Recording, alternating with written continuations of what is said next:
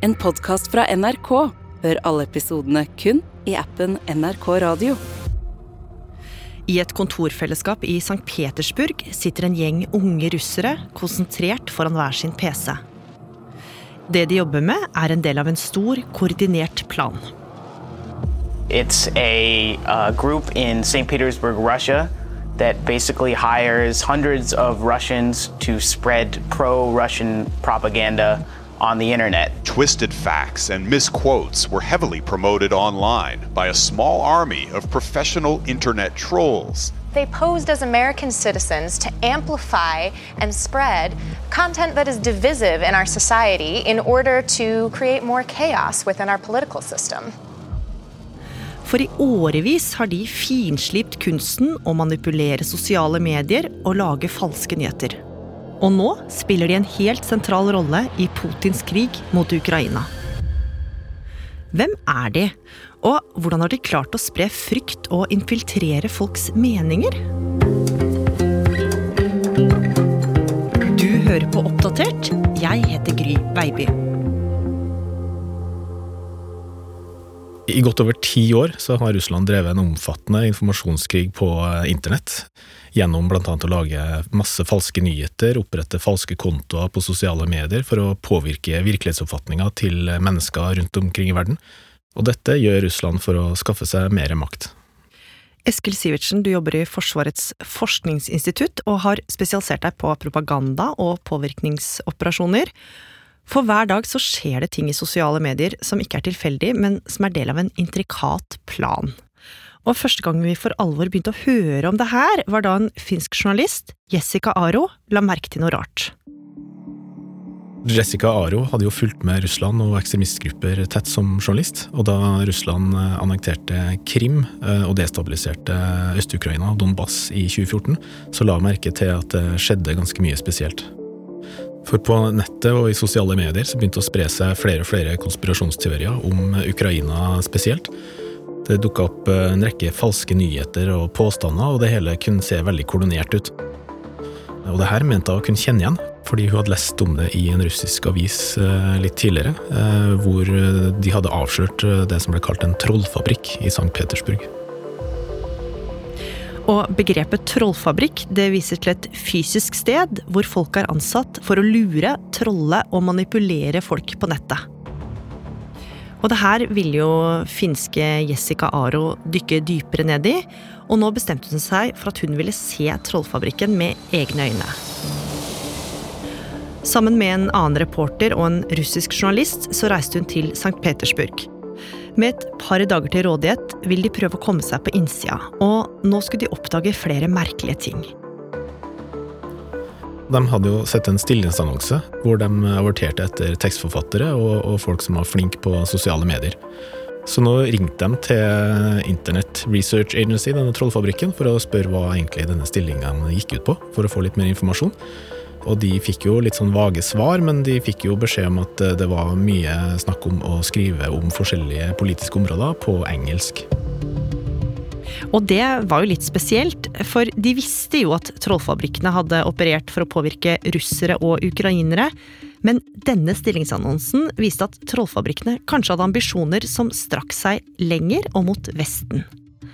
Og de neste dagene så jobba de tre iherdig med å prøve å komme så tett på IRA som overhodet mulig. De klarte å finne tidligere ansatte, men de nekta å si noe. Men en som ville snakke, det var en russisk journalist fra den regimekritiske avisa Novaja Gazeta. For et par år tidligere så hadde denne journalisten gått undercover som tekstforfatter på Trollfabrikken. Og hun fortalte om et stort maskineri. Hun fant ut at i dette bygget i St. Petersburg så jobba det masse mennesker som jobba på døgnskift og hadde tolvtimers arbeidsdager. Og hvor de fikk tildelt oppgaver hver dag med å gå inn på sosiale medier og spre ulike former for informasjon og desinformasjon. Og påvirke samfunnsdebatten i forskjellige land. På Facebook, Twitter og på en del andre sosiale medier. Og de her kontoene de måtte jo se ekte ut. Det skulle jo se ut som det var mennesker fra det landet som uttalte seg. Og de hadde kvoter de skulle oppfylle. Så det var en jobb som var godt betalt, og hvor de måtte da sitte og, og skrive og forsøke å påvirke virkelighetsoppfatninga og få folk til å krangle mer. Og nå ville Jessica Aro dokumentere den døgnbemanna trollfabrikken. I utkanten av St. Petersburg fant de et stort murbygg der nesten alle vinduene hadde gardinene trukket for. Nå benytta de jo sjansen til å ta bilder av eh, bygget fra utsida. Og, um, så kom det jo etter hvert en vakt ut og sa at eh, de måtte slutte med dette. Og de snakka en liten stund med den vakta, som var litt unnvikende. og Eh, etter hvert så sa han at de måtte gå fordi det var en statlig bygning og derfor ikke lov å ta bilder her. Og Det reagerte de jo litt på, fordi statlige bygninger i Russland gjerne er tydelig merka og, og, har eh, sentrale funksjoner, og dette så jo ikke ut som en statlig bygning i, i så måte. Så det at vakten sa at det var en statlig bygning, kunne jo gi et hint om hvilke koblinger som kanskje lå bak. Og mens Jessica Aro og flere andre prøvde å finne ut mer om hvem som faktisk sto bak, og om Trollfabrikken kunne være tilknytta den russiske staten, så begynte det å dukke opp urovekkende nyheter i en helt annen del av verden. 11. september 2014 fikk innbyggerne i en by i Louisiana i USA en SMS med beskjed om at de måtte søke tilflukt fordi det hadde vært et giftig utslipp på en lokal fabrikk. Det her spredde seg jo veldig fort på sosiale medier. På Twitter så var det flere hundre kontoer som skrev om denne eksplosjonen som skulle ha funnet sted på denne kjemiske fabrikken. Eh, og det lå ut eh, flere videoer og bilder fra øyenvitner som også beskrev eh, den skremmende opplevelsen. Og det her balla jo på seg. Det var, mm, lagt ut, ble lagt ut en Wikipedia-artikkel om eksplosjon, og på lokale nyhetsnettsider så kunne man lese om denne saken. Og siden det her var på den 11. september, altså 9-11, 13 år etter terroraksjonen, så ble nok mange skremt, og snart dukka det også opp en film på YouTube hvor terrororganisasjonen IS tok på seg ansvaret. Det var bare ett stort problem med denne historien, og det var at det hadde jo aldri skjedd noe ulykke. Alt det her var fabrikkert, fra SMS-en til nyhetssakene og til YouTube. Alt var falskt, og det var tydelig nå at noen hadde gått veldig langt for å forsøke å få det her til å se ekte ut. There was no explosion. The video was a fake, as were the news websites that reported it, and the footage of the Islamic State group taking credit. The social media posts were not what they seemed. It was all the work of the Internet Research Agency, a shadowy Russian organization based in a nondescript building in St. Petersburg. Og det her var det en journalist fra The New York Times som beit seg merke i. For mange av Twitter-kontoene som hadde skrevet om den falske eksplosjonen, så på en eller annen måte ut til å være knytta til hverandre. Stadig ble det posta nyheter om alvorlige hendelser, som et dødelig ebolavirusutbrudd i USA og en skyteepisode. Hendelser som bare viste seg å være oppspinn. Og pga. omfanget og størrelsen på alt det her, så begynte han å bli overbevist om at det måtte dreie seg om russiske troll som utførte koordinerte operasjoner i USA. Og snart skulle det bli tydelig at noen hadde bestemt seg for å gå inn i verdens største maktkamp. For da Donald Trump og Hillary Clinton kjempa om hvem som skulle bli president i 2016, så begynte det å dukke opp negative nyhetssaker om Clinton.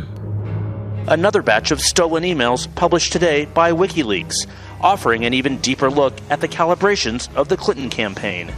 Rett før valget ble e-postserverne til demokratene hacka, og flere av Hillary Clintons e-poster ble delt på internett.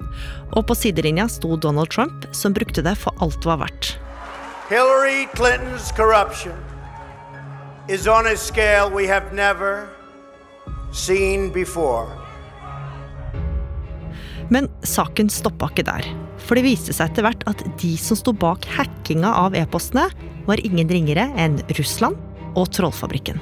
Special counsel Robert Mueller concluded his investigation into matters related to Russian attempts to interfere in our 2016 presidential election. Den mye omtalte Mueller-rapporten ble lagt fram i sin helhet i dag.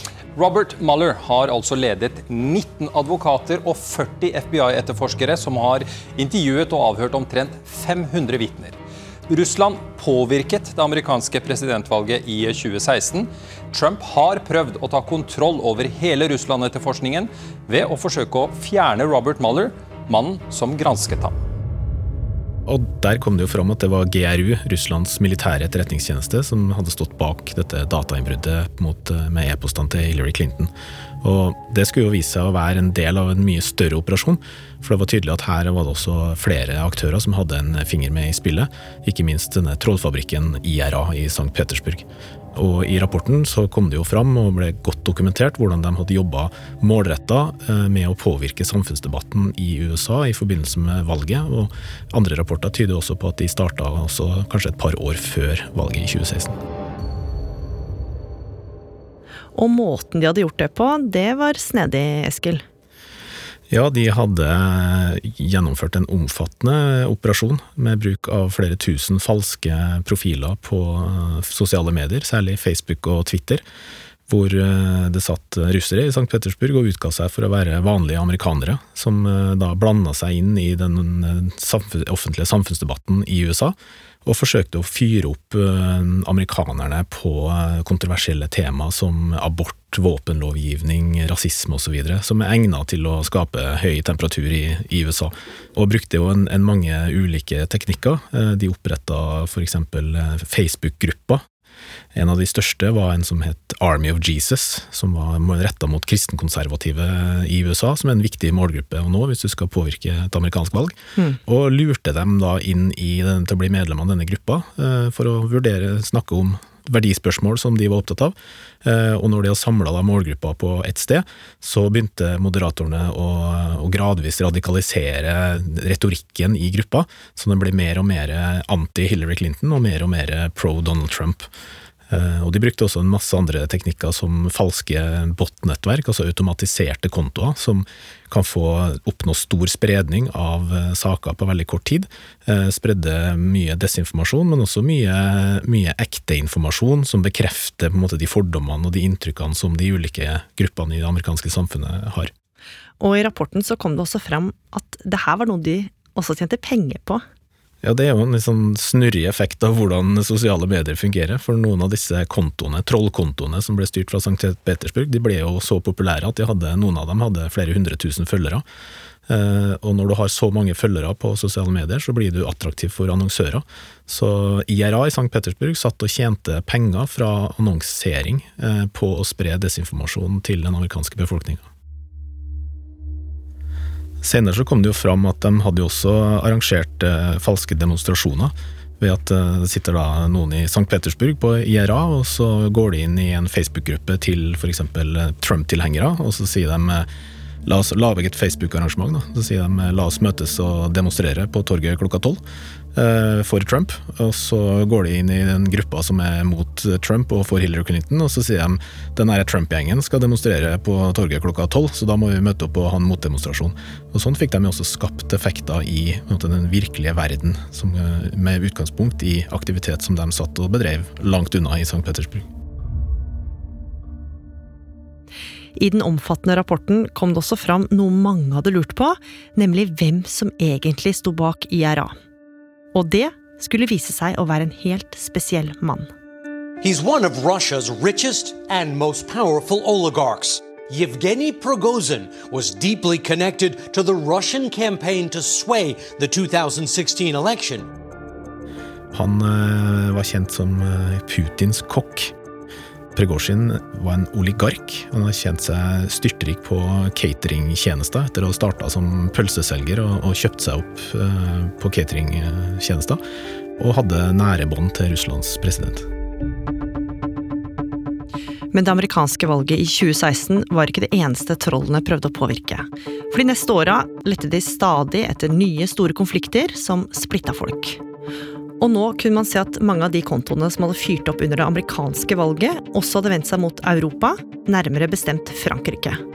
Nå var de opptatt av høye bensinpriser og skrev på et annet språk.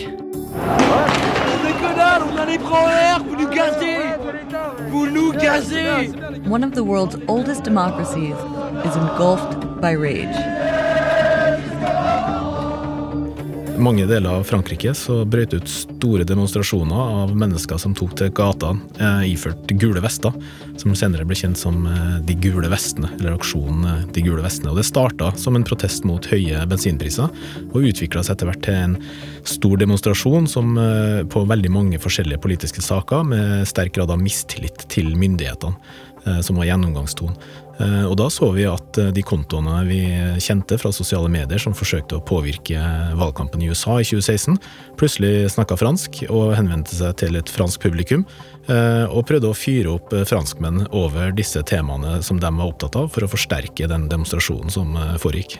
I Paris gikk det voldsomt for seg da gule vester-aksjonister støtte sammen med politi i dag. Demonstrantene satte bl.a. fyr på kiosker som selger aviser, i protest mot det de mener er medias negative omtale av aksjonene i landet. Men det var flere saker som skulle oppta dem, for trollene hadde ikke bare prøvd å påvirke de gule vestene i Frankrike. Det ble etter hvert kjent at de også hadde prøvd å påvirke brexit-debatten i Storbritannia. Og da pandemien brøt ut, så dukka de opp igjen med lyssky aktiviteter. The Kremlin has launched global multi pronged disinformation operations about the virus, and the UK has specifically accused Russia of spreading disinformation to undermine confidence in Western vaccines. Pandemien ble en spesiell opplevelse, fordi det var jo noe som ramma hele verden. Eh, Og sånn som Russland opererer, så er det jo tydelig at de forsøker å forsterke splittelser i land eh, og skape mer polarisering og krangling eh, over tema som mennesker er opptatt av. Og her hadde du et tema som opptok veldig mange mennesker i veldig store deler av verden, og hvor det også var knytta frykt til. Og det er jo perfekt for en aktør som Russland. Så da gikk de jo inn ikke bare målretta mot land, men egentlig mot eh, Vesten i stort. Og spredde enorme mengder desinformasjon om vaksiner, om munnbind. Og forsøkte å svekke tilliten som befolkninga i vestlige land hadde til sine egne myndigheter. Men den 24. februar 2022 skulle trollene få en helt annen oppgave. For nå skulle de få en viktig rolle i krigen på europeisk jord. мною принято решение о проведении специальной военной операции. И для этого мы будем стремиться к демилитаризации и денацификации Украины. President Putin han sa i ettermiddag at eh, et angrep og en krig mot Ukraina er den eneste måten Russland nå kan forsvare seg på. Derfor var det nødvendig å gå til dette skrittet. Nå gikk jo propagandamaskineriet på høygir, og det ble tydelig for mange eh, hvorfor Russland hadde jobba så hardt med å spre løgner og desinformasjon i, i mange år.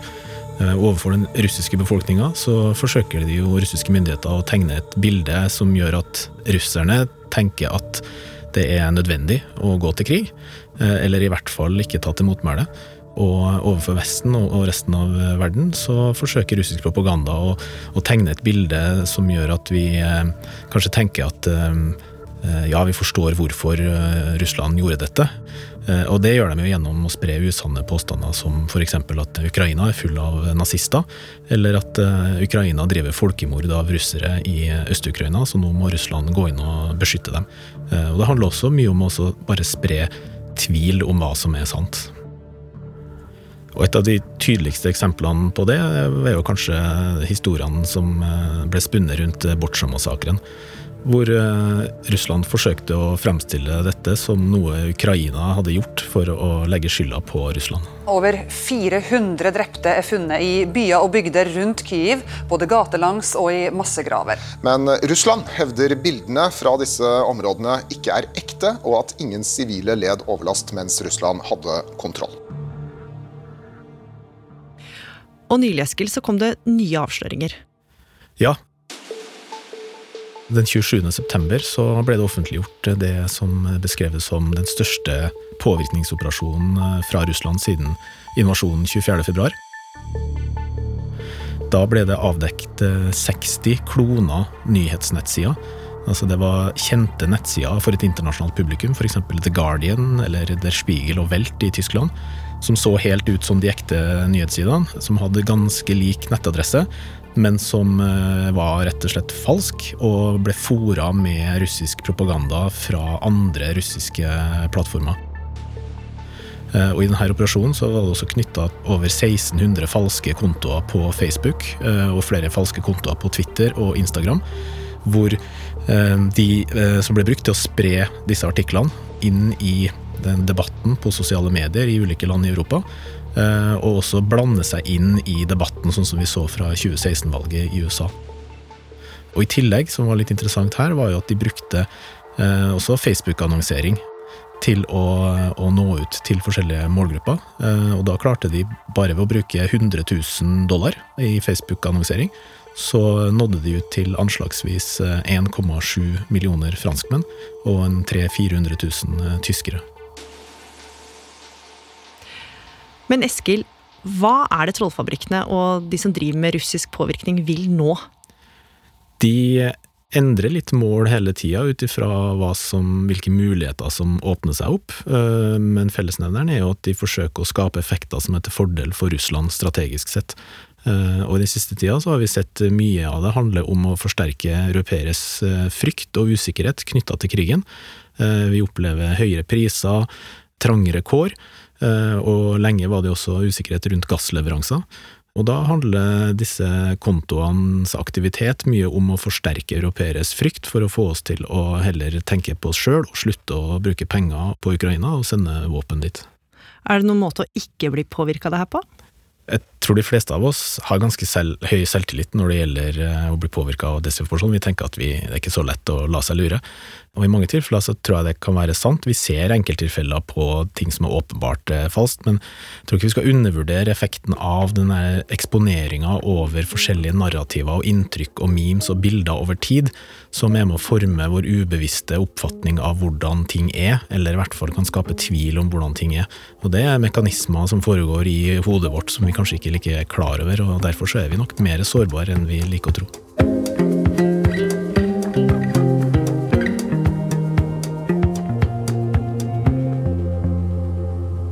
Oppdatert er en podkast fra NRK Nyheter, og denne episoden den ble laga av oss. Produsent Kaja Kirsebom. Lyddesign Andreas Berge. Vaktsjef Ina Swann. Og jeg heter Gry Veiby. Programredaktør er meg, Knut Magnus Berge. Klippene du har hørt, er fra PBS, Global News, CNN, Time, VG, The Sun, New York Times og NRK. Har du tips eller innspill, så må du gjerne sende oss en e-post på oppdatert krøllalfa nrk.no. P3morgen. God morgen, godt å ha dere med. Her er alle velkommen. Dynga. Vi skal gjøre deg litt dummere på forskjellige temaer, men også lykkeligere, da. Jo mindre du vet, jo hyggeligere har du det. Med all respekt. Veien til lykke er å mate barnet i deg. Love you guys. Høra. Meld deg inn i IS eller flytte til Nord-Korea. Oi. eh, Jeg hadde meldt meg inn i IS og tatt en kule for Hemsedal, altså. Alle episodene av podkastene, inkludert de aller nyeste, finner du kun i appen NRK Radio. NRK Radio. Vi hører sammen.